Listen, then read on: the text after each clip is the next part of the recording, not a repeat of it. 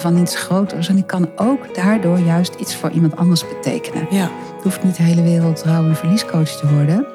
Maar hoe mooi zou het zijn als je buurman en je buurvrouw ook kan zeggen...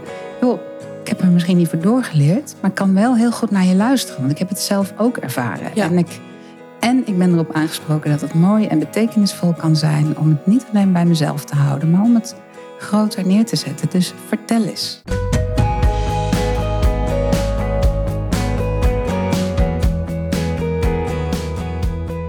Partner overlijdt. Hoe ga jij verder in je eentje? In mijn podcast Widow Talk interview ik weduwen en weduwnaars. We praten over alle facetten van ons verlies, de effecten daarvan en hoe we het leven weer op kunnen, nee, moeten pakken. Ook spreken we met bedrijven en andere experts die nabestaanden helpen hun leven weer op orde te krijgen. Met Widow Talk lever ik support voor jou na het verlies van je partner. Welkom. Fijn dat je luistert.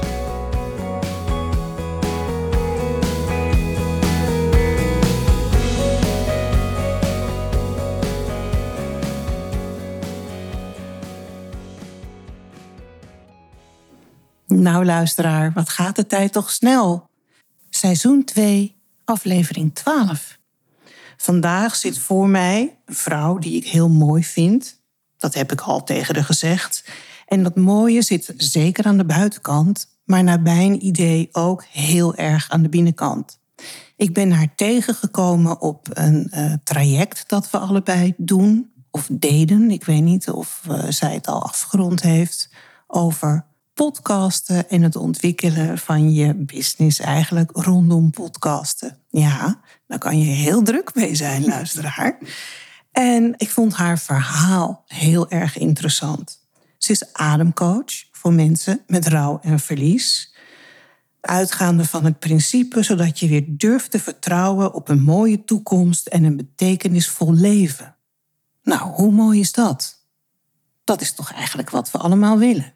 Wel hè? Ja, zelfs al heb je geen verlies in je leven. En wat mij heel erg aansprak was ook haar podcast. Shit is de mest voor groei. Zal ik het nog een keer zeggen? Ja. Ja. Shit. Shit Oh, is de mest voor groei. En dat is, vond ik heel boeiend, want dat is een proces wat ik zelf ook meemaak. En wat jij als trouwe luisteraar natuurlijk ook wel hebt meegekregen. En uiteraard, het kan bijna niet missen, deze vrouw heeft zelf ook het nodige aan verlies meegemaakt, waaronder het feit dat ze twee partners heeft verloren. Nou, over wie heb ik het nu? Ik heb het over Jacomijn Kruisbrink. Welkom, Jacobijn. Dankjewel. Kan je je voor een beetje vinden in hoe ik jou omschreven heb? Ja, ja nee, je hebt, eh, eh, je hebt het prachtig omschreven. Het is altijd bijzonder om, eh, om te luisteren naar hoe je voorgesteld wordt. En ja, ik herken mezelf wel. Dus, Mooi. Mooi, mooi. Waar zullen we beginnen? Wil jij beginnen met iets te vertellen over waarom jij je met rouw en verlies bezig bent gaan houden? Of hoe je tot de podcast bent gekomen? Shit is de mest voor groei. mm, ja, dat heeft allebei daarmee Ja, te maken natuurlijk. ja, dus ja. ja. ja, zullen we daar... eh, Ja, helemaal eraan ontkomen Nee, je natuurlijk niet met dit onderwerp. Nee, dat is, dat is natuurlijk ook het thema bij, jou, eh, bij jouw podcast. Dus, eh, en, en ik praat er ook graag over. Dus, ehm, dus daarom heb ik ook ja gezegd op je vraag Heel om, eh, fijn. om als gast hier te zijn. Ja, dus dank je wel voor de uitnodiging. En ehm, ja, jeetje, waar moet ik beginnen? Ja, de podcast Shit is mest voor groei. Ehm, eh, ja, het is een, een titel waar ik best vaak eh, leuke reacties op krijg. Dat snap ik. En ehm, Ik, ik dacht- wou ook dat ik hem zelf bedacht had. Er zijn meer podcasts over rouw die mooie titels hebben, vind ik. Maar, eh, of organisaties met mooie titels. Maar, maar deze is ook, ook fijn. ja, En hij staat ook meteen voor hoe ik in het leven sta. En hoe ik ook in mijn werkzame leven sta. Want inderdaad, je zei het al, ik ben, eh, ik ben ademcoach. Ehm, en ik heb heel lang me afzijdig gehouden van mensen met, eh, met rouw en verlies. En zei dan, nee, ik ben een ademcoach en ik doe vooral veel over fysieke stress en fysieke klachten. En nou, een spanning en, en eigenlijk ook wel de spanning die je creëert door situaties in je hoofd waar je eigenlijk wil dat het anders is. Dus voordat ik het wist, ging ik natuurlijk toch wel vragen aan mensen stellen of, of specifiek doorprikken. En ging het best wel heel vaak al over verlies. Maar het heeft voor mij heel lang geduurd voordat ik zelf kon zeggen. Ik ben ademcoach en ik ben gespecialiseerd in werken met mensen die met verlies in hun leven te maken hebben. Omdat ik daar, nou, net al wat je in de introductie zei, omdat ik daar zelf ook mee te maken heb uh, gehad. En ik, nou zeg maar, heel lang dacht: iedereen met een burn-out wordt daarna burn-out coach. En, Ja, eh, en dat, ja. eh, dat, nou, dat ga ik zeker niet doen. Te standaard. Ja, maar ook. nou, Ik heb, ik heb daar blijkbaar zelf ook wel een idee bij. Dat ik, als ik een burn-out zou hebben, zou ik vooral iemand willen die ehm, heel deskundig is en er verstand van heeft en weet hoe die me kan helpen. eh, en een goede begeleiding en coaching kan geven. En ja, ook over burn-out, maar ook vooral over hoe begeleid je iemand nou in een, in een ingewikkeld traject. Ja. Dus ik vond het heel lang, dacht ik van, ja, als, als ik alleen maar als ervaringsdeskundige eh, te boek sta, dan mis ik misschien de deskundigheid. Of dan denken mensen dat ik dat niet heb. Nou, dat vond ik, vond ik wel belangrijk, blijkbaar. Ja. En daarnaast heb ik ook, dat zei ik net al eventjes in, in het, nou ja, in het voor, het, dat we zaten te kletsen van tevoren. Dat ik zei, ik heb ook best wel lang een soort schaamte gehad op, je kan toch niet geld verdienen of geld vragen aan mensen die met, met zoveel leed te maken hebben. Die, Ja. die heb ik ook lang ingewikkeld gevonden. Totdat iemand tegen mij zei, ja, maar je hebt zelf toch ook iemand betaald eh, om dat te doen. Vond je dat dan eigenlijk raar? En toen dacht ik ook, mm, nee, goede vraag. Dat vond ik eigenlijk helemaal niet raar.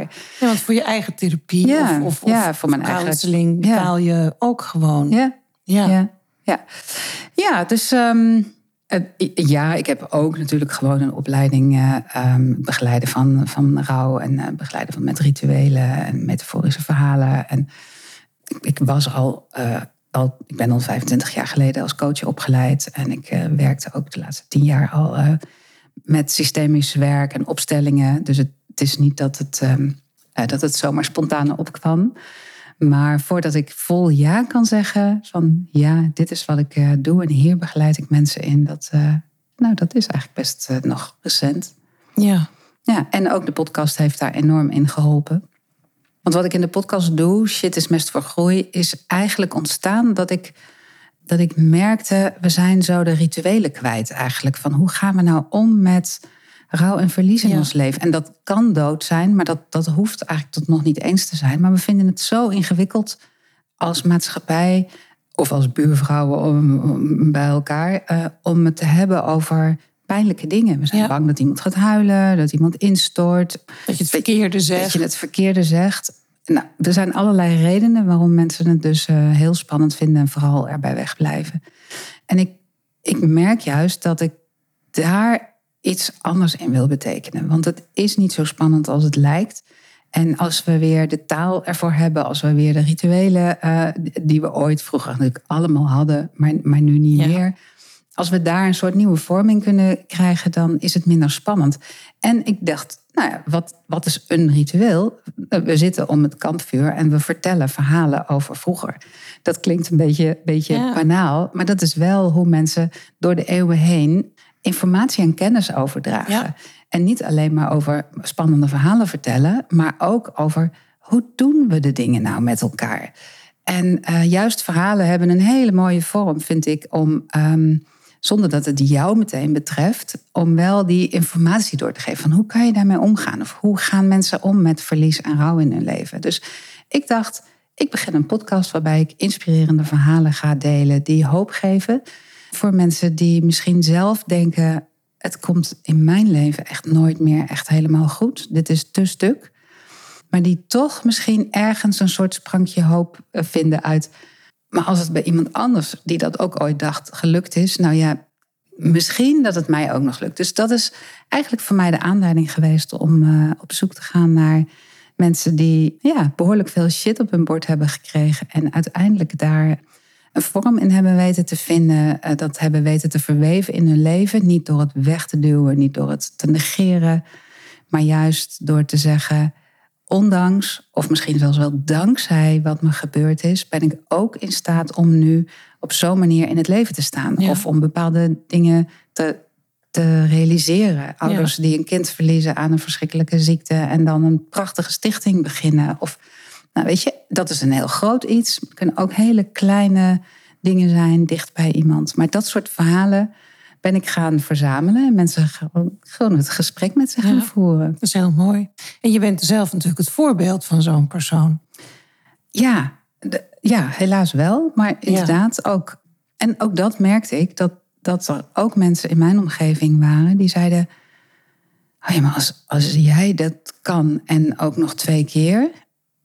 Ja, hoe heb je dat dan gedaan? Want misschien kan ik het dan ook. Kan ik wel... En mensen zijn op zoek naar waar, waar kan ik iets leren? Waar kan ik handvatten vinden? Tips, trucs. Nou, de, shortcuts zijn er helaas niet. Nee, dat is jammer. Hè, dat, is heel jammer. Ja, dat is super jammer. Zelfs een ervaringsdeskundige kan die niet aanbieden. Nee, nee, nee. Dat, um, maar ja, ik heb het inderdaad zelf ook. Uh, ik heb op mijn 33ste was ik uh, met een man samen, een grote liefde. En uh, die is omgekomen in een auto-ongeluk. Ja, dat was echt een, ook een fase in ons leven waarin je echt uh, de principiële. Ja, wij waren toe aan. Gaan we, gaan we samen door? Want dan gaan we naar huis. Uh, we wonen toen in Amsterdam. Dan gaan we de stad uit. Dan gaan we ergens een huis met een tuin zoeken. En dan gaan we voor kinderen.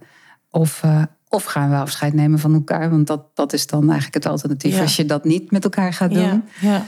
Dus ja, dat was. Nou, ik dacht meteen, nou, dat was het dan. Ik ga nooit meer moeder worden. Ik ga niet. Um, ja, ja, dit wordt nooit, echt, nooit meer echt leuk.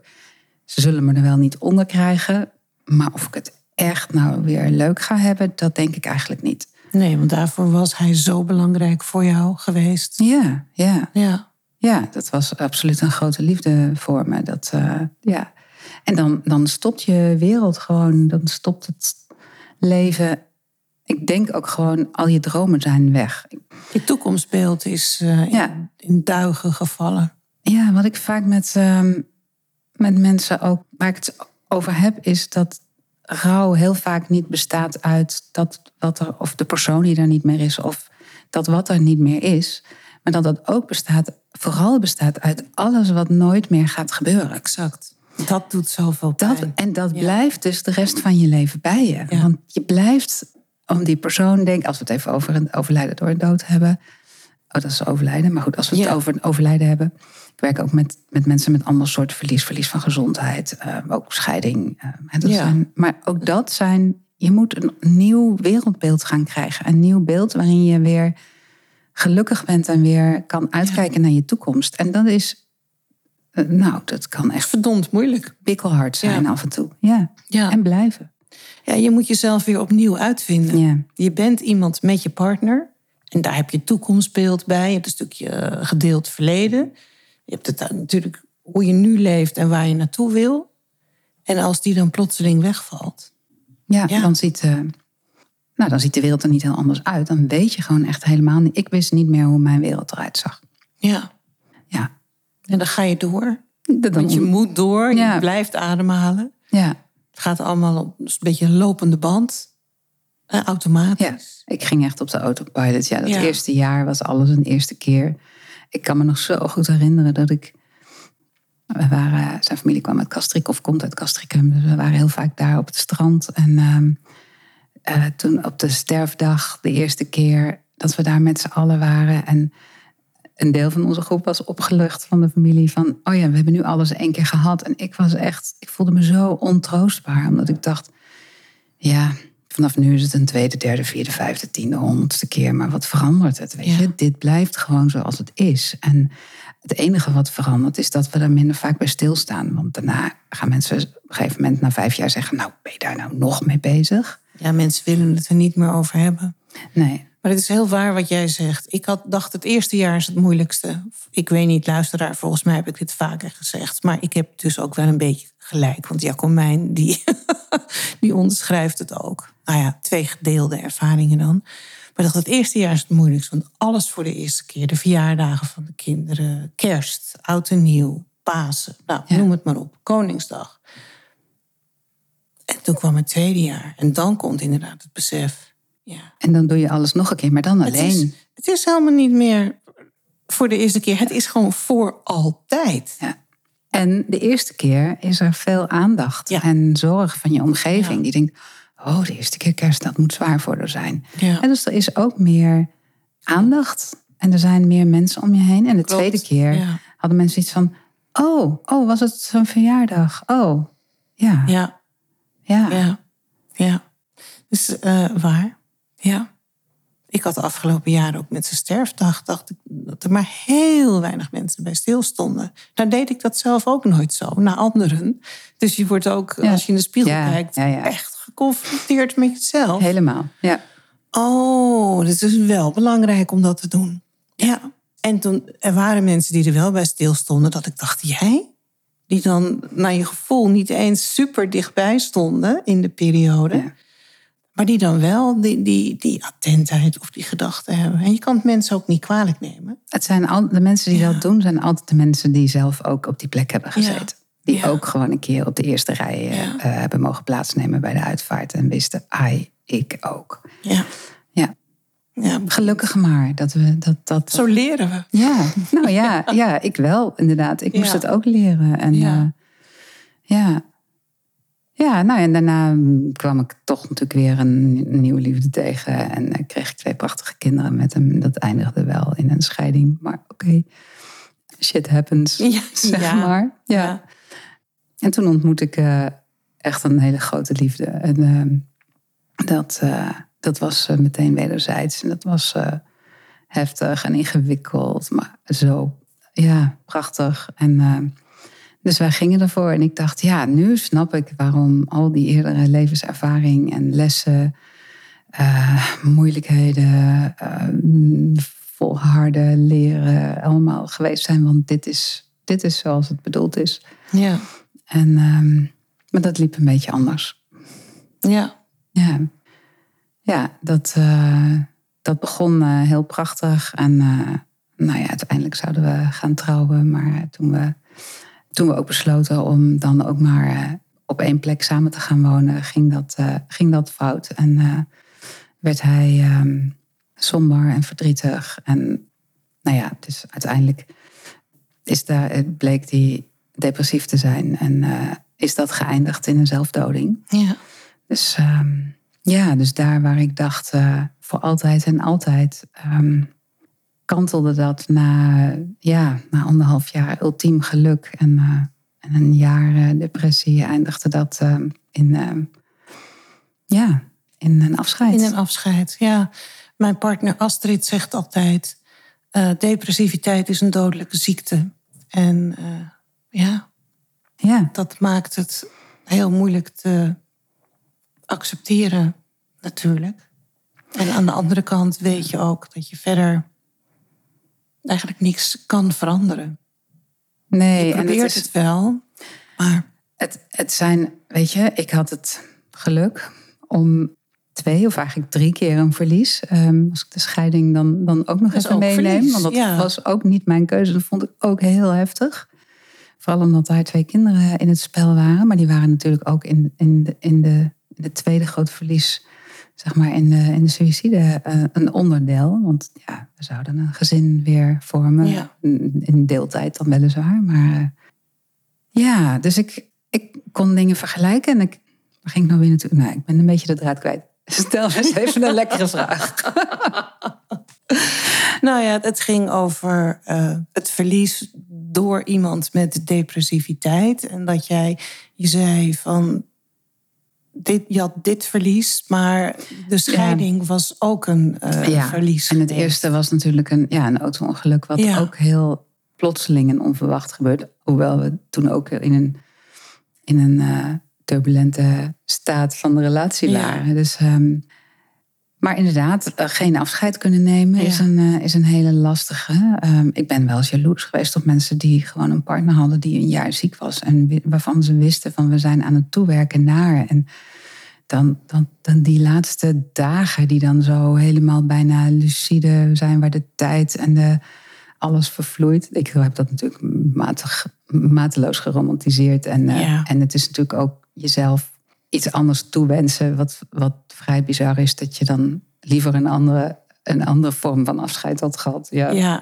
waar hebben we het over? Ja, ja. Maar ja, ik heb een hele fase wel. Ik heb hard aan mezelf moeten werken ehm, eh, na die tweede keer. Wat ik echt dacht, ja, waarom ik en waarom twee keer?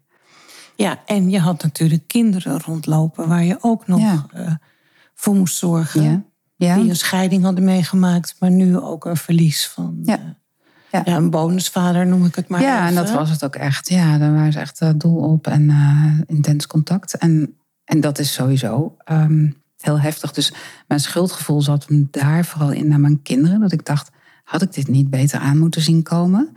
Had, want ik heb, ik heb gekozen voor mijn geluk. En moet je nou eens kijken, weet je, dat het nou mijn ongeluk is geworden. Ja, dat is lullig. Maar dat mijn kinderen op jonge Ja. leeftijd al zoveel geweld naar, naar geweld. Want het is natuurlijk gewoon zoveel geweld naar jezelf moet meemaken. Ja, hoe leg je dat jonge kinderen uit? Dat Ja. is, Dat is ook heel moeilijk. dat is En hartbrekend. Ja. Ja. ja, dus dat was ook hoeveel ruimte mag ik zelf? De, mijn verantwoordelijkheidsgevoel van waar gaan we wonen? Want we, we woonden inmiddels eh, eh, met elkaar in een huis, dus dat kon niet, niet zo blijven. Dus er was heel veel ontwrichtends en ik moest ongelooflijk veel weer op poten krijgen in mijn verantwoordelijkheid als moeder. En met mijn eigen schuldgevoel Ja. van wat had ik, had ik niet beter op kunnen letten? Ben Daar ik- zijn wij vrouwen heel goed in, hè? In dat soort gevoelens. maar we hebben geen glazen bol. Nee, nee, nee, nee. Maar weet je, als je echt enorm verliefd bent, dan. Ja. hè, dat, dat wordt ook wel een soort tijdelijke psychose genoemd. In de kans dat je dan een paar belangrijke signalen mist, is misschien ook wel aanwezig. Maar Ja. Er is niemand die me gewaarschuwd had. Te zijn, nou, moet je dat wel doen met deze man? Iedereen zei: Ja, eindelijk de liefde die jij. eh, dit verdien jij. Oh, dat was ook zo'n venijnige. En dan gaat iemand dus dood en op zo'n manier. En ik kon alleen maar super boos en cynisch zijn en zeggen: Oh ja, en verdiende ik dit dan ook? Ja. Oh, dus ik zeg nooit meer bij dit soort dingen: Weet je, geluk of ongeluk, dat verdien je niet. Nee. En, ehm, maar geluk ook niet, hè? want we zijn zo makkelijk om de goede dingen te zeggen: Oh ja, dat, dat ja, helemaal. En dan gebeuren de slechte dingen. Ja, het, het is gewoon. Het is het, precies hetzelfde, maar de andere kant van de medaille. Ja, maar dat, die, dat verdien je dan ook. dat verdien Ja. je dan ook. Nou, dat het zo uit je handen wordt geslagen, dat verdien je dan ook. Ja. Dus daar heb ik, dat heb ik echt afgeleerd. Eh, mensen verdienen geen geluk en mensen verdienen ook geen ongeluk. Shit happens. Nee, ja, en geluk heeft uiteindelijk ook vaak een keerzijde. En bij de ene komt die keerzijde na 2,5 jaar. En bij de andere misschien na 35 jaar. Ja, Maar vaak is dat natuurlijk wel zo. is ook zo. En voor mij heeft het ongeluk ook een keerzijde gehad. Ja. Want het heeft na het overlijden van mijn eerste lief. ehm, ben ik me heel erg gaan verdiepen in spiritualiteit. Ik las alles wat los en vast zat. En dat is denk ik, en daar is een basis gelegd.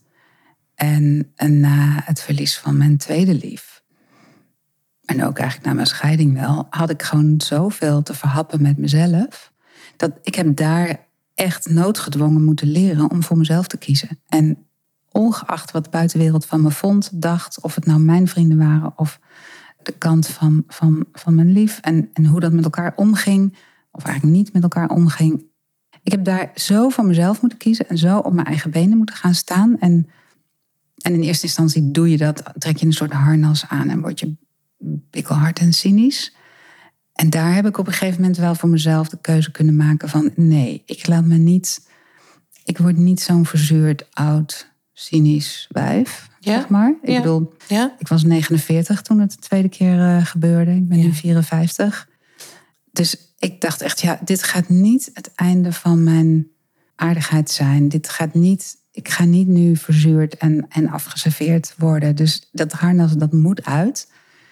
En ik moet gewoon wel zorgen dat ik me door niets en niemand meer ondersteboven laat maaien. Dat ik mijn eigen, ja, op mijn eigen benen blijf staan. Ja. Ongeacht het oog van de storm zoeken. En dat heeft voor mij heel veel betekend in hoe ik in het leven sta. Hoe ik er nu voor andere mensen kan zijn. Mijn eigen spirituele ontwikkeling is daar enorm door gegroeid. En natuurlijk, ik ben niet perfect, gelukkig maar, verre van. Ja, het is heel vervelend, hè, perfecte Ik maak gewoon fouten. ik kan ook ongelooflijk boos worden. Mijn ego vindt af en toe ook dat mensen echt heel anders met me om moeten gaan dan dat ze doen. Ja. Ik wil ook graag dat ene parkeerplekje eh, net voor iemand anders pikken. En ben boos als iemand dat bij mij doet. Maar in basis is er bij mij zoveel veranderd. En ademwerk heeft daar heel veel in, eh, in meegeholpen. ja. Kan je daar iets over vertellen, over dat ademwerk? Ja, lang niet iedereen weet wat ik dan bedoel als ik zeg Exact. ademwerk. Ja. Want we ademen toch allemaal, dus hoezo? Wat moet je nou daar meer of minder? automatisch. Nou, gelukkig maar, want eh, hou je adem even in en dan weet je binnen een minuut hoe belangrijk dat is. Ja. Maar je kunt met je adem zoveel meer dan alleen maar gewoon eh, zuurstof in en eh, CO2 uit. Door te veranderen in je ritme, je tempo, ehm, eh, veel of weinig, hoogademend of laagademend, heb je eigenlijk, ik zeg vaak, de afstandsbediening van je zenuwstelsel te pakken. Ehm, want iedereen kent wel, als je heel hoog ademt, of denk maar aan hyperventilatie, dan halen mensen heel snel en heel veel adem. Maar dan zie je ook dat ze hun schouders bijna meetrekken, hun mond is open. Ja. En die ademhaling hoort bij een zenuwstelsel wat in een vecht-vluchtstand staat. Of in een freeze-stand. Dat kan, dat kan ook. Dat hoort, dat hoort bij eh, heel heftig en, en geactiveerd zijn. Dus ik zeg Ja. tegen mensen, het is het gaspedaal. Stress zorgt daarvoor. Nou is stress in mijn ogen helemaal niet erg. Want stress zorgt er ook voor dat je een sprintje kan trekken. Dat je doelen kan realiseren. Dat je ehm, in spannende momenten de juiste keuzes maakt.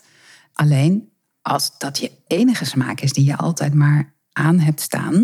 En je kunt niet meer ontspannen, je kunt niet meer herstellen, je kunt niet goed verteren.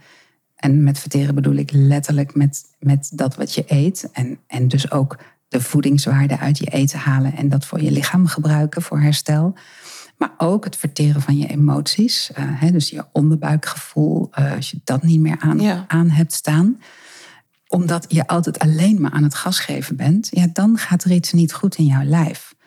En dan zie je dus dat mensen met rouw en verlies komen in zo'n heftige, hectische tijd met zoveel pijn, letterlijk pijn in hun hart, pijn in hun hoofd. Vaak heel veel praktische problemen waar je ook nog eens mee geconfronteerd wordt. Dingen die geregeld moeten worden, financiële problemen. Nou, noem maar op. Wil jij weten nog meer van eh, Ja, dan je ik? kan heel veel dingen. Ja, en dat doet dus iets met jouw vecht-vluchtmodus. Of zelfs freeze. Weet Ja. je, dat je als een, als een konijn eh, in de koplampen eh, gewoon Ja. ehm, weet dat je iets moet doen, maar je kan gewoon niet meer een kant op, omdat je systeem niet meer reageert.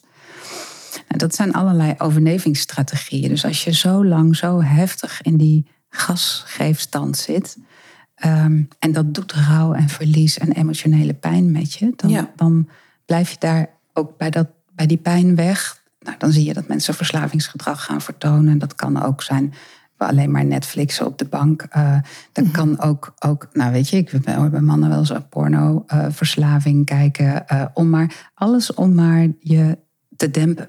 Ja, om niet bij stil te hoeven Niet bij stil. Eh, emotie eten, drinken, ehm, heel veel werken.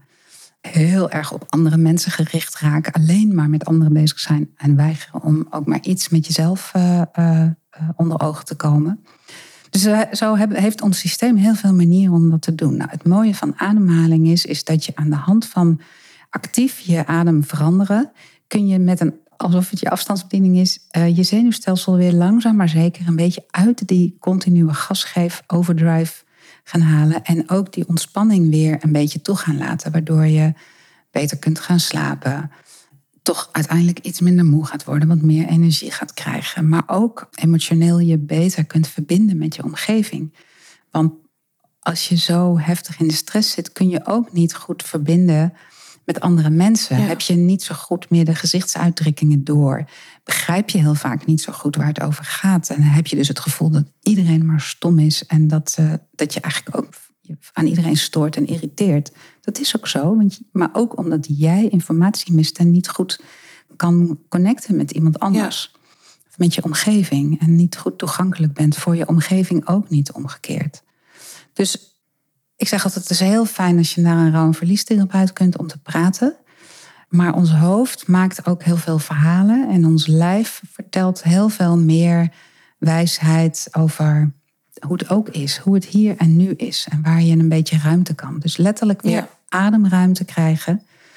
Weer die emotie een beetje gaan laten stromen. Die als een soort gestolde rouw zich op plekken in je lijf eh, opslaat. Ehm, ja, om die heel langzaam maar zeker en niet als een tsunami over je heen te laten denderen. Maar dat stroompje weer eh, te gaan laten gaan. En dan kan je je levensenergie weer gaan voelen in plaats van je overlevingsenergie. En zijn er nou mensen die dat automatisch kunnen op deze manier met hun ademhaling omgaan? Of is dit iets wat je echt moet leren, wat je aangeleerd moet krijgen? Als je het, als je het echt via je ademhaling wilt doen, is het heel handig om in ieder geval in het begin daar wat eh, begeleiding in, eh, in te vinden. En er zijn altijd mensen die bijna van nature vormen vinden om, eh, om dit te doen. Hè. Dus wat ik altijd al zeg, kom, kom in ieder geval fysiek in beweging. Ja. Ga, ga je lijf gebruiken. En of dat dan yoga is of niet. Vaak zeggen mensen mindfulness, ja, dan gaat mijn kop de hele tijd eh, met me op de loop. Ja, Maar ehm, ja, weet je, een adem kan, dat doe je toch al de hele dag. Dat heb je altijd bij je. Dus als je met wat slimme techniekjes, ehm, een aantal oefeningen, ik zeg vaak eh, één of twee keer een kwartiertje per dag. En voelen. Want het gaat uiteindelijk niet om ademen. Het gaat om welk, welke ruimte gaat dat langzaam maar zeker een beetje brengen. En ja, daar komen soms tranen bij. Er komt soms verschrikkelijke boosheid en woede bij. Maar er komt ook weer een soort van opluchting en rust en ontspanning eh, in, die mensen vaak heel lang niet gevoeld hebben, waar ze hooglijk verbaasd over zijn. ja. En van- dat weet je van tevoren niet. Nee, Dat ga je ontdekken in het proces met jou. ja, en gaandeweg. Dus ik zie het ook niet als dat er iets gefixt moet worden. Hè. Er is niks eh, mis met je. Ehm, er is alleen ehm, ja, je iets verschrikkelijks overkomen. En dat heb je te verweven in je leven. Hè. Maar jij leeft. Ja, Hè, dus vaak zeggen mensen ook: Oh, vind je dat niet erg de hele tijd maar werken met mensen die alleen maar met dood en verlies? Dus ik zeg: Nee, ik werk met mensen die, die bezig zijn met hoe moet ik leven? En hoe kan mijn leven weer de moeite waard worden? Dus ik vind dit, volgens mij, voor mij is het een hele andere insteek Ja. dan eh, we gaan het de hele tijd over je verlies hebben. Nee, we gaan het over jou en je leven hebben. En hoe, hoe integreer je dat? Hoe verweef je dat met dat wat je nooit meer kwijt wil? En wat ook nooit meer kwijt kan. Maar hoe mag dat, hoe mag dat een plek in je leven hebben waarmee het niet alles bepalend is, maar het wel ehm, geëerd kan worden op de momenten dat het mag en dat, het, dat je het bij je kan dragen. En dat, je het, dat het niet altijd meer zo eh, verschroeiend pijn doet, ja, maar dat het vooral mee mag met je. En dat je leven er waardevoller en betekenisvoller van wordt. Niet zo van, oh wat fijn dat me dit is overkomen. Maar wel, als het me dan toch is overkomen, hoe kan ik, Ja. ondanks dat mij dit is overkomen, of misschien wel dankzij, want voor mij heeft het echt, ik weet niet of mijn, de stappen die ik gemaakt heb, eh, of ik die ook gemaakt zou hebben, als ik niet een paar keer door zulke afschuwelijke diepe dalen was gegaan. Dus het voelt voor mij ook heel erg van, dit is mijn missie om te zeggen, ik heb hier iets in te doen. Ik kan hier Ja. mensen in helpen. Met mijn verhaal, ook met mijn kennis over wat gebeurt er in jouw lijf. En hoe kan jij weer ruimte krijgen? Hoe kan je levensenergie weer gaan stromen? In plaats van dat je continu met je vingertoppen aan eh, de afgrond hangt Ja. en met overlevingsenergie bezig bent. Ja. ja, dat is mooi dat je dat zegt. Want dat is ook weer de basis natuurlijk van jouw podcast. Hè? Shit is de mest voor groei. Want dit is jouw groei geweest. En dat merk ik zelf natuurlijk ook. Astrid en ik waren nooit met Widows and Widowers begonnen. Ja. Als wij onze partner niet waren verloren. En is dat nou zo eh, levensveranderend? Nou ja, daar kan je over discussiëren. Er zijn mensen die zeggen: Ik heb dit helemaal niet nodig, ik los dit zelf op. Ik denk, nou, dat is prima. Dat is jouw proces. Of ik heb daar vrienden of familie voor. Nou, heel mooi als dat kan. Maar er zijn ook heel veel mensen die wel behoefte hebben aan contact met lotgenoten. Ja. En die heel blij worden, die al heel blij worden van het luisteren naar deze podcast. Ik hoop en, het, ik hoop het, ja. En, eh, en mij daarvoor bedanken. En, en dat is uiteindelijk waar je het voor doet. Waar je zelf ook blij van wordt. En door het te doen, groei je zelf ook weer. Maar het kan ook, en zo ben ik ook met een ander initiatief bezig, Spraakmakend Marianne, waar ik als trouwambtenaar en als spreker en andere dingen actief wil zijn. En juist het verlies van mijn partner heeft mij geleerd dat dit ook een kant is van mij die nu echt zakelijk naar mm. buiten wil. In plaats van af en toe is een uh, niemandalletje en een liefdadigheidsklus, die ik ook heel belangrijk vind. En dan is er ook het schuldgevoel van ja, ik ben eigenlijk soort van blij met deze ervaring, omdat ik nu deze kant van mezelf heb leren kennen. Maar ik ben helemaal niet blij met deze ervaring. Voor mezelf niet, maar zeker ook niet voor mijn kinderen, die nu hun vader niet meer hebben. Ja. Dus dat kan af en toe heel verwarrend zijn. Ja. Maar dat ken je waarschijnlijk wel. Absoluut. Ja, het is heel herkenbaar. Dat, uh, ja, ik denk dat ik heel lang dit niet heb willen doen. Of dit, althans uh, wel ademcoach, maar dan specifiek. Ik deed dat een soort van stiekem onder de tafel. dat, ik, dat ik ook rouw en verliezen. En toch, ja. weet je, dat ik steeds dacht, maar waarom komen mensen dan toch bij mij? Want dat zeg ik helemaal niet.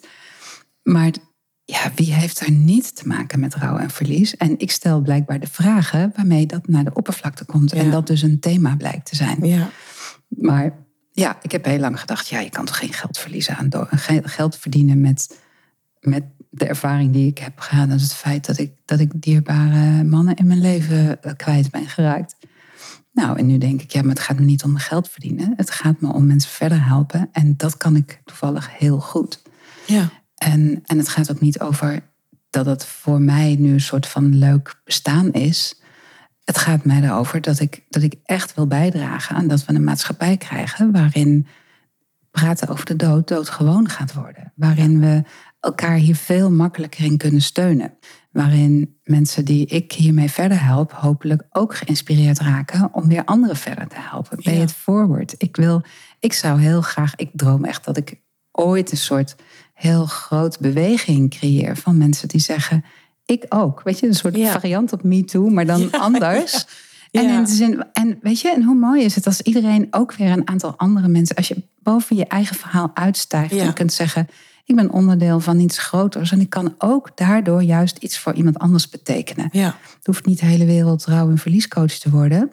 Maar hoe mooi zou het zijn als je buurman en je buurvrouw ook kan zeggen: Joh, ik heb er misschien niet voor doorgeleerd, maar ik kan wel heel goed naar je luisteren. Want ik heb het zelf ook ervaren. En, ik, en ik ben erop aangesproken dat het mooi en betekenisvol kan zijn om het niet alleen bij mezelf te houden, maar om het groter neer te zetten. Dus vertel eens. Ja, dat is heel erg mooi. Uh, ik ben uh, lid van BNI, BNI zeg ik dan op zijn Nederlands, een uh, businessnetwerk, waar ondernemers iedere week één keer bij elkaar komen, vaak voor het ontbijt. Ontiegelijk vroeg.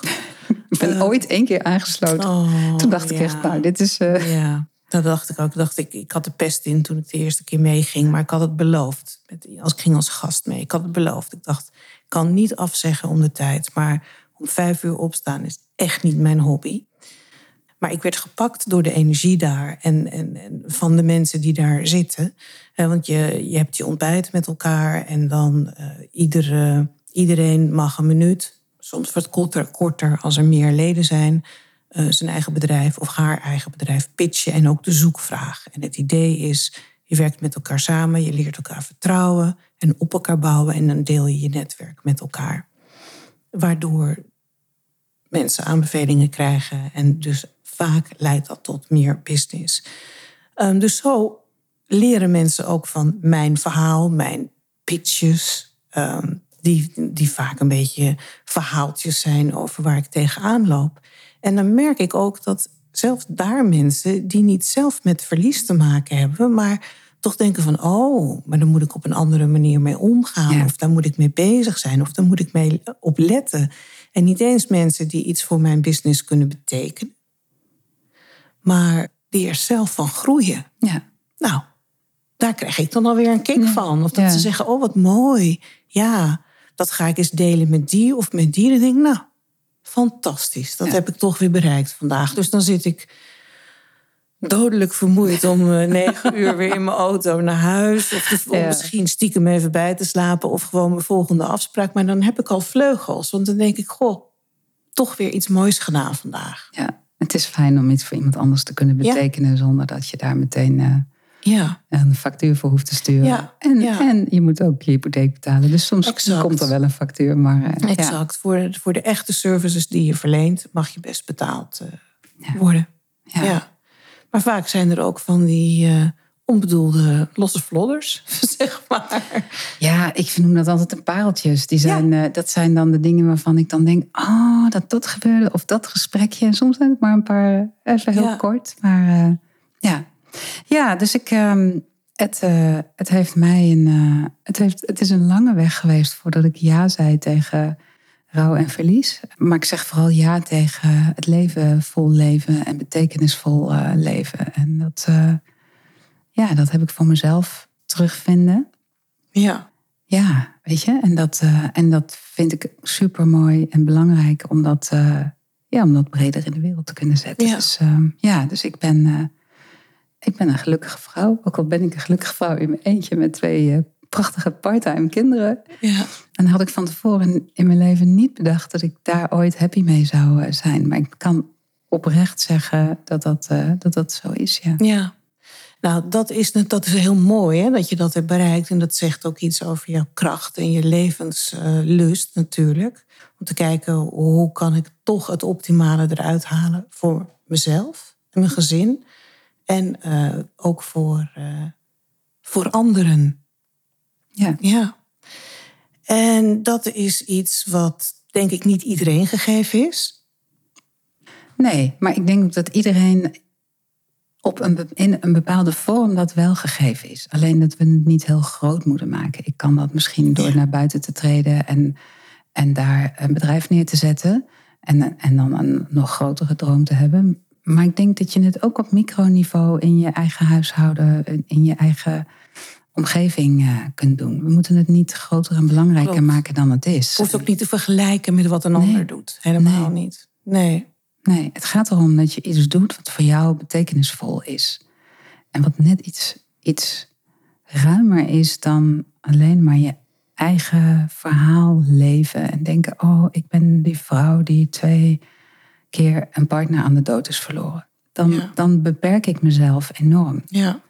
Terwijl als ik een ander verhaal maak, namelijk ik ben de vrouw die twee keer uit een heel diep dal is gekrabbeld en beide keren zoveel bijzondere ontmoetingen en helpers heeft gekregen dat ik er eh, heel veel wijzer uit door ben geworden, heb ik een ander verhaal. Dan, Ja. terwijl, terwijl de feiten zijn hetzelfde.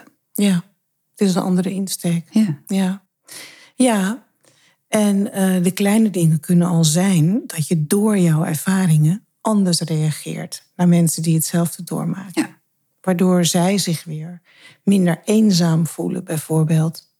Ja, ik Hè? durf vaak de vraag te stellen die iemand anders niet stelt. Of, ik, eh, Precies. of ik hoor tussen de regels door de dingen waarvan ik denk, oh, volgens mij herken ik wat.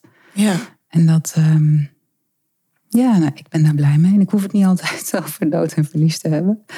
Nee. En verder ben ik, eh I'm fun. Maar, het is, Absoluut. maar het is, Ja. eh, weet je, het hoeft ook niet weg. Het is gewoon, het is een onderdeel. En meer, meer dan dat is het ook niet. Nee, maar dat is eigenlijk waar we ook een beetje mee begonnen. Ja. Dat er niet, of moeilijk, door mensen voor wie het een eh, eng onderwerp is, omdat ze het eigenlijk nog onvoldoende kennen, over dood en verlies en rouw wordt gesproken. En dat het een beetje verdwenen is uit onze westerse maatschappij. Waar het er vroeger wel was. En in andere maatschappijen is het nog eh, veel sterker aanwezig. Dus dat is eigenlijk een verschraling van hoe wij met rouw en verlies omgaan. Ja, we zijn het echt verleerd met elkaar. Weet je, Ja. mensen overlijden in ziekenhuizen en hospice. En vroeger overleden ze een stuk jonger. En dan overleed je gewoon thuis. En dan zagen ja. de, de, hele familie en de kinderen en de kleinkinderen en iedereen was daarbij. Dus je, je maakte dat ook op een hele andere manier mee. En iedereen Ja. wist dan ook wat er moest gebeuren. En, dat, eh, ja, en nu ehm, huren we een of andere mevrouw of meneer in. En die komt dan, eh, die is dan fijn of die is iets minder fijn. Dat, dat, heb je dan alle Ja. smaken. Maar ja, dat was het dan. En dat, ik denk dat we daar. ehm, en daarna weet niemand het meer zo goed. Ik, Klopt. Ik, Ja. ik zeg altijd als mensen zeggen: Jeetje, ben je daar nou nog mee bezig op jaar vijf of zo? een sterfdag of een verjaardag, dan, dan zeg ik ook altijd, ja, maar dat zeg je toch ook niet voor als, als je nichtje vijf wordt, stuur je toch ook gewoon een kaartje of je gaat een cadeautje brengen en dat vier je. Dus waarom zou je van vijfjarige eh, gebeuren van een doodgeboren kindje, waarom zou je daar niet bij stilstaan? Ja, je zegt bij een kind van tien wordt gewoon niet. Nou, dit moet je nou echt wel eens een plekje geven hoor. Dat, dat, uh, ben je daar nou nog steeds mee bezig? We weten het nou wel. Ja, volgend jaar wordt die elf. Ja, ja nou, dat vinden we heel leuk. En waarom dan? Waarom moet de rest dan weg? Dat is ongemakkelijk voor mensen. Ja. ja. Ja, mensen zijn vaak ook bang dat ze iets verkeerds kunnen zeggen. Maar je kunt echt niet zo heel veel verkeerd zeggen. Nou, je kunt. Ja, ja je kunt ik, zie jou, nou. ik zie jou kijken. Nee, ik weet het ook. Je kunt ongelooflijk veel verkeerd zeggen. Maar ik wou eigenlijk zeggen, je kan, um, je kan niet heel veel doen om, om het leed van mensen. Dat leed is er toch wel. Dat, dat gemissen is er toch. Ja. Dus eigenlijk is het pijnlijk als het genegeerd wordt, of als het niet erkend wordt, of als het weg moet. Gebagatelliseerd. Gebagatelliseerd. Of, uh, ja. ja, dat klopt. Philip, mijn man, was altijd een man van grote feesten. Nou, ik ook en ik ben het nog steeds. Maar zijn verjaardagen werden altijd groot gevierd. En toen hij was overleden, niet zijn eerste verjaardag, denk ik, dat was te kort daarop. Maar de tweede wel en de derde ook. Heb ik vrienden uitgenodigd, dierbare vrienden, die er voor een deel altijd waren. Er zijn ook aardig wat vrienden weggevallen, want daar loop je natuurlijk ook tegenaan. Dat Daar hebben we het samen vooraf ook over gehad. Dat wat dierbare vrienden waren of leken te zijn, dat die verdwijnen uit je leven na het overlijden van je partner. Maar ik had wat mensen uitgenodigd uit ons gezamenlijk leven die belangrijk waren. En die nog steeds belangrijk voor mij waren. En mijn eigen uh, vrienden, om stil, die, die Philip wel gekend hadden, om stil te staan bij uh, het leven. En ook op de mooie herinneringen die we hadden aan Philip. En in het begin was dat een beetje ongemakkelijk, want iedereen stond daar. Ik had lekkere happen en bubbels en drank. En iedereen had, ja, maar hoe vrolijk kunnen we zijn? Dus ik zei, oké jongens, ik ben altijd heel slecht in verjaardagen en Philip was daar heel goed in. Hier is een schone verjaardagskalender. We beginnen opnieuw. Die had ik ook gekregen van iemand die mij ook die hint een beetje wilde geven. Dankjewel, Sascha. En uh, iedereen mocht daar de verjaardagen opschrijven. En ik zei, nou, we heffen nu het glas en we delen een herinnering waar we met een glimlach aan Philip denken. Of waar we dankbaar voor zijn. Nou, toen was het ijs ook gebroken. En we hadden in januari dus de, de derde verjaardag van Philip na zijn overlijden. Maar ja, dat is voor iedereen duidelijk. Dit blijft. En als ik op een gegeven moment weer een nieuwe partner in mijn leven krijg, ja, dan is hij erbij of er niet bij, dat maakt niet uit. Maar dit mag nog steeds blijven bestaan. En wat ik het mooie vond, is dat mijn kinderen er ook om vroegen. Doen we weer wat voor de verjaardag mm. van papa? Ja, mooi is dat, hè? En ja. je, hebt een, je hebt een ritueel ja. gecreëerd of eigenlijk uh, of opnieuw uitgevonden in een iets andere vorm. Maar dat is natuurlijk wat gebeurt. De liefde blijft, de herinneringen blijven, uh, het gevoel blijft. Um, alleen Alleen de fysieke persoon is er niet meer. Maar, maar verder, ja. dus de verjaardag blijft ook, die dag ook, ja. Maar je hebt nog wel de herinneringen aan die fysieke persoon. Ja. en wie zegt dat die er niet bij is? Nou goed, dan moet je weer wat spiritueler denken. Dat doet niet iedereen. Bij mij, ik had een, mijn eigen huis gekocht. Na het overlijden van Philip, dankzij een stukje erfenis dat ik van mijn vader kreeg. En toen begon het licht heel erg te flikkeren hmm. in dat nieuwe huis. Ik had de sleutel gekregen. En diezelfde dag had ik een borrel. Ik dacht, we doen dit gewoon uh, Marianne-stijl. In het nieuwe huis, meteen een borrel, positieve energie daar brengen. Dus ik had een klein eh, groepje vrienden uitgenodigd die ook in Amsterdam wonen. Of heel dicht bij Amsterdam. En dat licht begon te flikkeren. En een van mijn vriendinnen zei, Marianne, het licht flikkert. Ik zeg, ja, dat klopt. Is iets met die dimmer of zo. Dan moet ik hem een standje verder zetten. Nee, muts, zei ze. dat bedoel ik niet. Weet je niet waar dat voor staat? Dat is echt bizar, hè? Ik heb dat in dit huis ook gehad. Echt? Wat ik gekocht heb uh, na zijn overlijden. Ja. Wauw. Ja. Ja. Ook inderdaad, elektricien zei, ja, dimmer. En ik zei, ja, je kan me wat... ja. Het is het is en en. Het zal ook de dimmer zijn, maar Ja. het is ook iets Ja. anders. Ja. Ja, nu als het licht af en toe knippert en denk ik, oh nou, leuk dat Hey, je er hi. bent. Ja. Kom Ja. je kijken. Ja, Ja. zouden alle weduwen dat hebben? Dat weet ik niet. Vanaf nu wel. Iedereen die luistert. Ja. Ja, ja het is grappig. Oh, dat is wel grappig. Ik geloof dat dit voor het eerst is dat ik mezelf als een soort onder de groep weduwe geschaard heb. dat heb ik echt nog nooit gezegd. Nou ja, uiteindelijk ben je het ook. Je, je, je hoeft je niet zo Ja, te daar, heb voelen. ik, of nee, daar je is zoveel niet- strijd over Ja. geweest dat ik gewoon dat ik dat ik, eh, dat, ik dat niet op die manier eh, nooit zo genoemd heb. Ja. Ja, nee, dus dat ehm, externe strijd, niet strijd in mij. Nee, dus het is ja. ja, ja nee, dus, dus plek en ordening. Ja, als je met systemisch werkt, eh, dan heb je daar natuurlijk mee te maken. Ja. Maar dat, eh, Ja. ja. dat speelde enorm. Ja. Dus, eh, maar weet je, de liefde in mijn hart is, eh, is eh, ehm, onmiskenbaar. Dus dat is voor mij de leidraad geworden. Ja. Ja, wat mensen er daarbuiten ook van vinden, zeggen, moeten ze lekker doen. Maakt het eigenlijk niet uit. Nee, het heeft, nou, het maakt wel uit. Het is pijnlijk, maar Ja. het verandert voor mij niets aan, Nee. aan de waarheid, hoe ik hem ervaar. Precies. Ja. Jouw waarheid blijft wat dat betreft. Ja, en dat, staan. en dat is niet mijn, hoe mijn hoofd het besloten heeft, maar dat is wat ik voel in mijn hart en in iedere vezel. En dat, eh, Ja. ja, en dat is, dat is misschien wel mijn allerwaardevolste ehm, les geweest die ik zwaar heb moeten bevechten, maar die me de allermeeste waarde heeft. Dat ik, dat ik echt geworden ben wie ik ben. Dat alle, nou ja, alle, alle ballast, alle ruis, alles is eraf gehaald. En wat ik overhoud is, eh, is de essentie waar het over gaat. En eh, daar heb ik het mee te doen. En dat, eh, nou, daar ben ik blij mee. Dus ja, ik voel me ook, ik voel me dankbaar in de geschenken die ik ook ontvangen heb in het leven over mezelf en over in het leven gaan staan. En eh, Ja. ja, Ja, nou, ik vind dat eigenlijk wel een hele mooie afsluiting van onze podcast. En die dankbaarheid, die draag jij weer uit naar andere mensen. Ja. Die daarvoor openstaan om daar met jou aan te, Ja. aan te werken.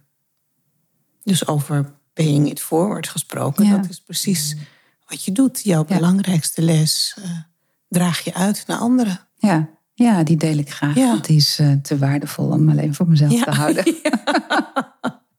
Ja, dat is heel mooi. Ja. Zijn er nog dingen die je wilt delen in deze aflevering? Waarvan je zegt, nou, Nou, we hebben wel heel veel aan, aan bod gehad. Ja. Ehm, nou, alleen dat ik het heel erg leuk vind dat ik eh, op jullie eh, event op eh, International Widows Day ja, mag komen praten. Ja. Dus, want ik, ja, en dat is natuurlijk maar heel kort, maar daar deel ik graag over. Dus ik noem dat meer een, ehm, een buffet. Wat we daar aanbieden. je kan overal een snackje Je van kan nemen. overal een snackje van nemen. Proeverij, ja. Ja, het is een proeverij. En dan kunnen we later altijd nog op dingen wat nader ingaan. Ja. Ja, Nou, ik vind, het heel, ik vind het bijzonder en ik denk dat het een heel mooi initiatief is om eh, zoveel eh, variatie eh, beschikbaar te maken. Want dat is hoe ik, hoe ik Ja. daarnaar kijk. En dus ja, dat draag ik graag aan bij. Maar ik ben ook heel benieuwd. Ik ga er ook een aantal mensen ontmoeten die ik alleen online ken en eh, die ik dan daar weer live ga zien. Dus dat, ik, vind het, ik kijk er zelf ook gewoon nog eh, naar uit op die dat, is- manier. dat is heel leuk natuurlijk. Ja. Nou, ik vind het ook eh, heel spannend, maar dan begrijp ja, dat snap ik. Ja. Ja, want dit is voor ons de eerste keer dat we het echt op deze manier doen. En dit is wel iets wat we al voor ogen hadden vanaf het begin. Maar ja, daar kwam die COVID-situatie doorheen, wat het, eh, wat het moeilijk maakte. En nu waren we er ook echt eh, klaar voor, zeg maar. Dus dit is een, eh, een mooie start, hoop ik, van een jaarlijkse traditie om stil te staan bij International Widows Day. Ja. Is er ook een International Widowers Dag? Nee, nee. De nee. mannen tellen echt niet mee hierin, hè? Nee, ik kan alvast een tipje van de sluier oplichten. De International Widows Day is in het leven geroepen door de Verenigde Naties omdat de situatie van de weduwe door de eeuwen heen en over de hele wereld heen zo erbarmelijk slecht Een stuk is. slechter is dan de positie van de man. Exact. Vrouwen zijn wat dat betreft eh, levend verbrand met de lijken van hun mannen. Die mochten seksueel genomen worden door de broers van de mannen. Zelfs naast eh, lijk van de, van de overleden man, van de weduwe. Vanwege bepaalde culturele aannames, geloven, Ja. eh, wat dan ook. Maar en ook de economische positie, de juridische de positie is ja, natuurlijk klopt. enorm dramatisch. Ja, ja is Maar nog ik vind- steeds. Hè? 80% van de. Nederlandse vrouwen is afhankelijk van eh, de man, financieel. Ja, het is handig om bij leven iets andere keuzes te maken Ja. over je financiële Ja, zelfstandigheid. En daar komen veel vrouwen helaas pas achter op het moment dat ze alleen eh, komen te Ja. staan. Ja. Ja. Ja. Ja, maar ik vind ook echt, ik wil ook wat dat betreft wel een oproep doen voor mannen. Want hun emotionele eenzaamheid hierin Is groot. is heel, heel, heel groot. Mannen huilen niet, mannen gaan helemaal door. En ik merk het in, in de trajecten die ik met mannen heb. Daar is echt heel veel venijniger leed door, door deze situatie waarin mannen zelf niet doorhebben hoeveel eh, verlies en hoeveel pijn ze hebben. Maar da- en daar ook geen ruimte aan geven totdat ze echt knalhard tegen de fysieke ja. muur aanlopen. Ja. En dan nog niet snappen dat het met emotionele pijn te maken heeft en niet met fysieke Ja. pijn. En of me vertwijfeld vragen, is er niets over hoe mannen dit doen? Ja. En, en ik ben het antwoord, ik heb maar heel weinig antwoord voor ze om ze te verwijzen naar mannen die hier wel mee naar buiten komen. Dus ik wil eigenlijk ook wel pleiten voor een International Widowers Day, waarin het juist gaat over mannen die dierbare verliezen huilen wel. Ja. Ja. ja, dat is heel mooi. Mannen zijn denk ik af en toe wat beter in compartimentaliseren. En dan doen ze het weg en de deur gaat dicht. En De nothing box. ja, en er komt snel een andere partner. Maar het zit er natuurlijk wel. Het ja. blijft wel. Ja. En wij proberen dat, doordat we de mannen er ook bij betrokken hebben nu... dat ook op de kaart te zetten en eh, aan te kaarten. Ja, ik gun het mannen echt dat ze daar, weet je. En ik merk bijvoorbeeld wel als je, met, als je fysiek met mannen aan de slag gaat in de vorm van adem en stress, dan, en je legt ze uit wat er gebeurt als je continu maar in die vechtvluchtstand bent, dat je ook niet productief bent op je werk, dat je ook als leider, als directeur, als manager niet de juiste beslissingen neemt, dat je draagklacht, dat het echt zoveel impact heeft op je hele functioneren als je als je dit niet opruimt, als je het niet aankijkt, je kunt het echt niet onder de vloermat eh, Ja. schuiven en dan verwachten dat je steeds over die enorme bult heen blijft stappen en niet struikelt. Ja. Want dat doe je wel. Vaak ru- pas jaren later. Ik ruik hier een onderwerp voor een eh, tweede aflevering. Ja? En misschien kunnen we dan ook nog wel een man uitnodigen. Ja. En dan. Nou, ik ben er echt wel, ik Ja. ben er echt mee bezig om te kijken van wat kan daar meer. Maar het is dan weer lastig dat ik vrouw ben, want ik denk eigenlijk dat dit een mannen-mannen ding is. Want mannen onderling doen het nog weer anders dan met een vrouw Ja. erbij. Het is altijd goed, denk ik, om het vrouwelijke perspectief te horen. Maar dit is iets voor mannen. Dat is ook waarom ik af en toe mannen interview. Om ook, ook weduwnaars. En binnenkort ook een mannelijke coach. Die ook zelf weduwnaar is geworden. Omdat je weer een andere inkijk krijgt. Ja. En sommige dingen zijn hetzelfde. Sommige dingen zijn anders. En hoe mensen ermee omgaan verschilt natuurlijk Verschilt ook, altijd. ja. En toch is er een verschil tussen mannen en vrouwen. Of we dat nou willen of niet. 80-20 Nee, maar het is regel, hè, maar dat, dat, dat is een feit. Ja, Ja, maar juist daarom denk ik, oh ja, jeetje, het zal je als Ja. man maar overkomen. Weet je, wij kunnen nog tig podcasts luisteren, boeken lezen Ja. over vrouwen die dit ook mee hebben gemaakt, verhalen horen. Ik heb me echt wel ten doel gesteld om ehm, veel meer mannen. Ik, ik heb ook relatief veel mannen eh, al in mijn afleveringen zitten. Maar ik ben echt eh, als doel om dat gewoon eh, zeker 50-50 Ja. te houden. Ja. Omdat ik, ja, dit gebeurt gewoon. En mannen mogen ook inspirerende verhalen horen. en mogen ook, ook, hun vorm daarin vinden. En, en je vindt het gewoon vaak juist door ja, geïnspireerd te worden van anderen. Klopt. Oh, heb jij dat ook? Of oh, heb, huh? oh, ik dacht dat ik de enige was. Nou, Ja. ik dat wel niet hoor. ja. Dus, Nou, en dat is ook waarom wij gezegd hebben... op International Widows Day vinden wij het belangrijk om weduwen uit te nodigen... maar ook weduwnaars en mensen die, lotgenoten noem ik het dan even... bedienen met hun services of producten, diensten... zodat we elkaar tegenkomen en het een, ja, een soort feest van herkenning, zeg ik altijd. Het is natuurlijk geen feest.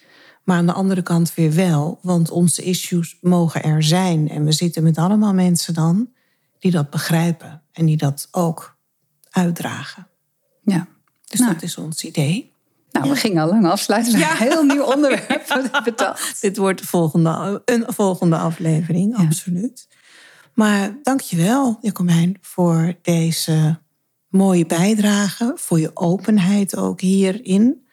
Maar ook voor de inzichten, de mooie inzichten die jij eh, hopelijk aan de luisteraar hebt meegegeven. Zodat mensen weer geïnspireerd raken. Ik hoop het. Ik hoop Ja. dat er, eh, als er iemand is die eh, hier een beetje mee geholpen heeft, dan is, Ja. dan eh, is dat, Is dat weer is dat gewonnen? fijn. Ja. Dus uh, dankjewel voor je uitnodiging, Marianne, en voor het fijne gesprek. Ja, jij bedankt. Dankjewel, luisteraar. Ik hoop dat jullie net zo genoten hebben als ik van deze aflevering. En daar ook weer een paar mooie boodschappen en lessen uit hebben gehaald. We gaan door de shit. Het is zwaar. En uiteindelijk, als we er heel hard aan werken en goed ons best voor doen, kunnen we daar ook weer wat mooie dingen uithalen. En het hoeven helemaal geen grote dingen te zijn zoals we hier net besproken hebben. Maar als we er alleen al meer kunnen zijn voor andere mensen die hetzelfde meemaken als wij, dan is dat al heel veel gewonnen. En dan kunnen wij weer een stukje troost bieden aan andere mensen. En hoe mooi is dat? Dus dank je wel voor het luisteren. Tot de volgende. Dank voor het luisteren naar deze aflevering van Widow Talk. Op de website widowsandwidowers.nl, zie de link in de show notes, kan je meer informatie vinden over onze support voor nabestaanden. Daar zie je wat we met widowsandwidowers.nl allemaal doen. Onze activiteiten, blogs, shop en ook een overzicht van onze eerdere Widow Talk afleveringen. We horen graag je feedback via mail en social media. Vergeet je niet je te abonneren op Widow zodat je geen aflevering mist. Geef je ook nog even een review of een rating zometeen. We stellen het ook heel erg op prijs als je Widow Talk wil aanbevelen bij mensen waarvan jij denkt dat ze er behoefte aan kunnen hebben. Dank je wel. Stay tuned. Tot de volgende keer.